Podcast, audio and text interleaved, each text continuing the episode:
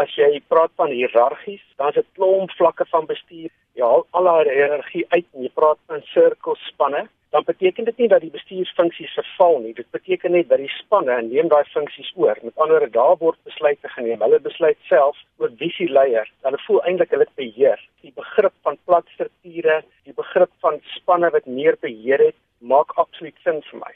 Daar's altyd riglyne. Ek kan nie dink dis 'n onbeperkte keuse wat iemand het om te sê ek wil nou 'n miljoen rand hê of 'n 100 000 nie. Jy weet ek dink nie dis so ook nie. Daar sal riglyne wees.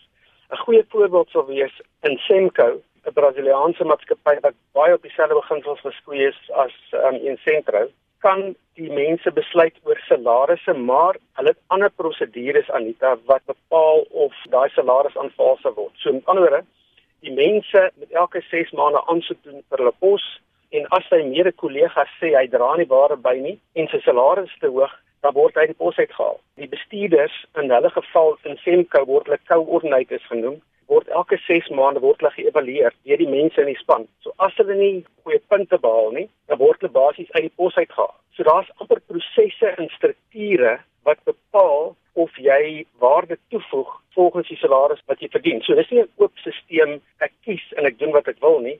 Daar's baie goeie kontroleprosesse in plek om seker te maak dat die ou waarde toevoeg nie. Sou dit werk in Suid-Afrika?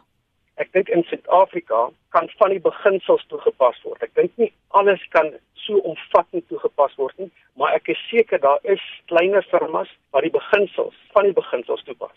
Ek dink dit kan oral gedoen word. Daar's 'n paar kritiese suksesfaktore Anita. Soos die regte mense moet in 'n span aangestel word. Hulle praat van in Engels the ticket to the game is competence. Jy moet bevoeg wees om in 'n span in te kom. Indien jy in 'n span is en jy het 'n baie duidelike doelwit, dan hoef nie 'n leier aan te stel nie. Die mense self kan 'n leier kies, want die leier moet hulle help om hulle doelwit te maak.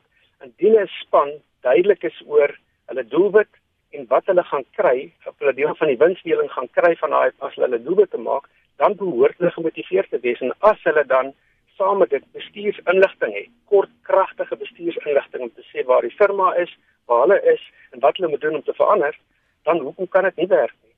Ek dink egter Anita dat in firmas, hulle noem dit vlakke van leierskap, hoor jy 'n organisasie aangestel is, word die aanname gemaak jy is meer bevoeg om besluite op daai hoë vlakke te neem. Jy weet, in baie keer het die mense mag nodig om besluite uit te voer.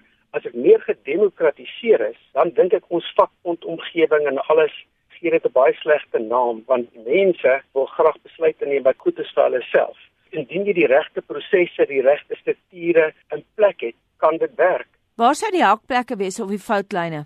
Daar's eintlik nie een antwoord nie. Daar is klomp goed wat in plek moet kom.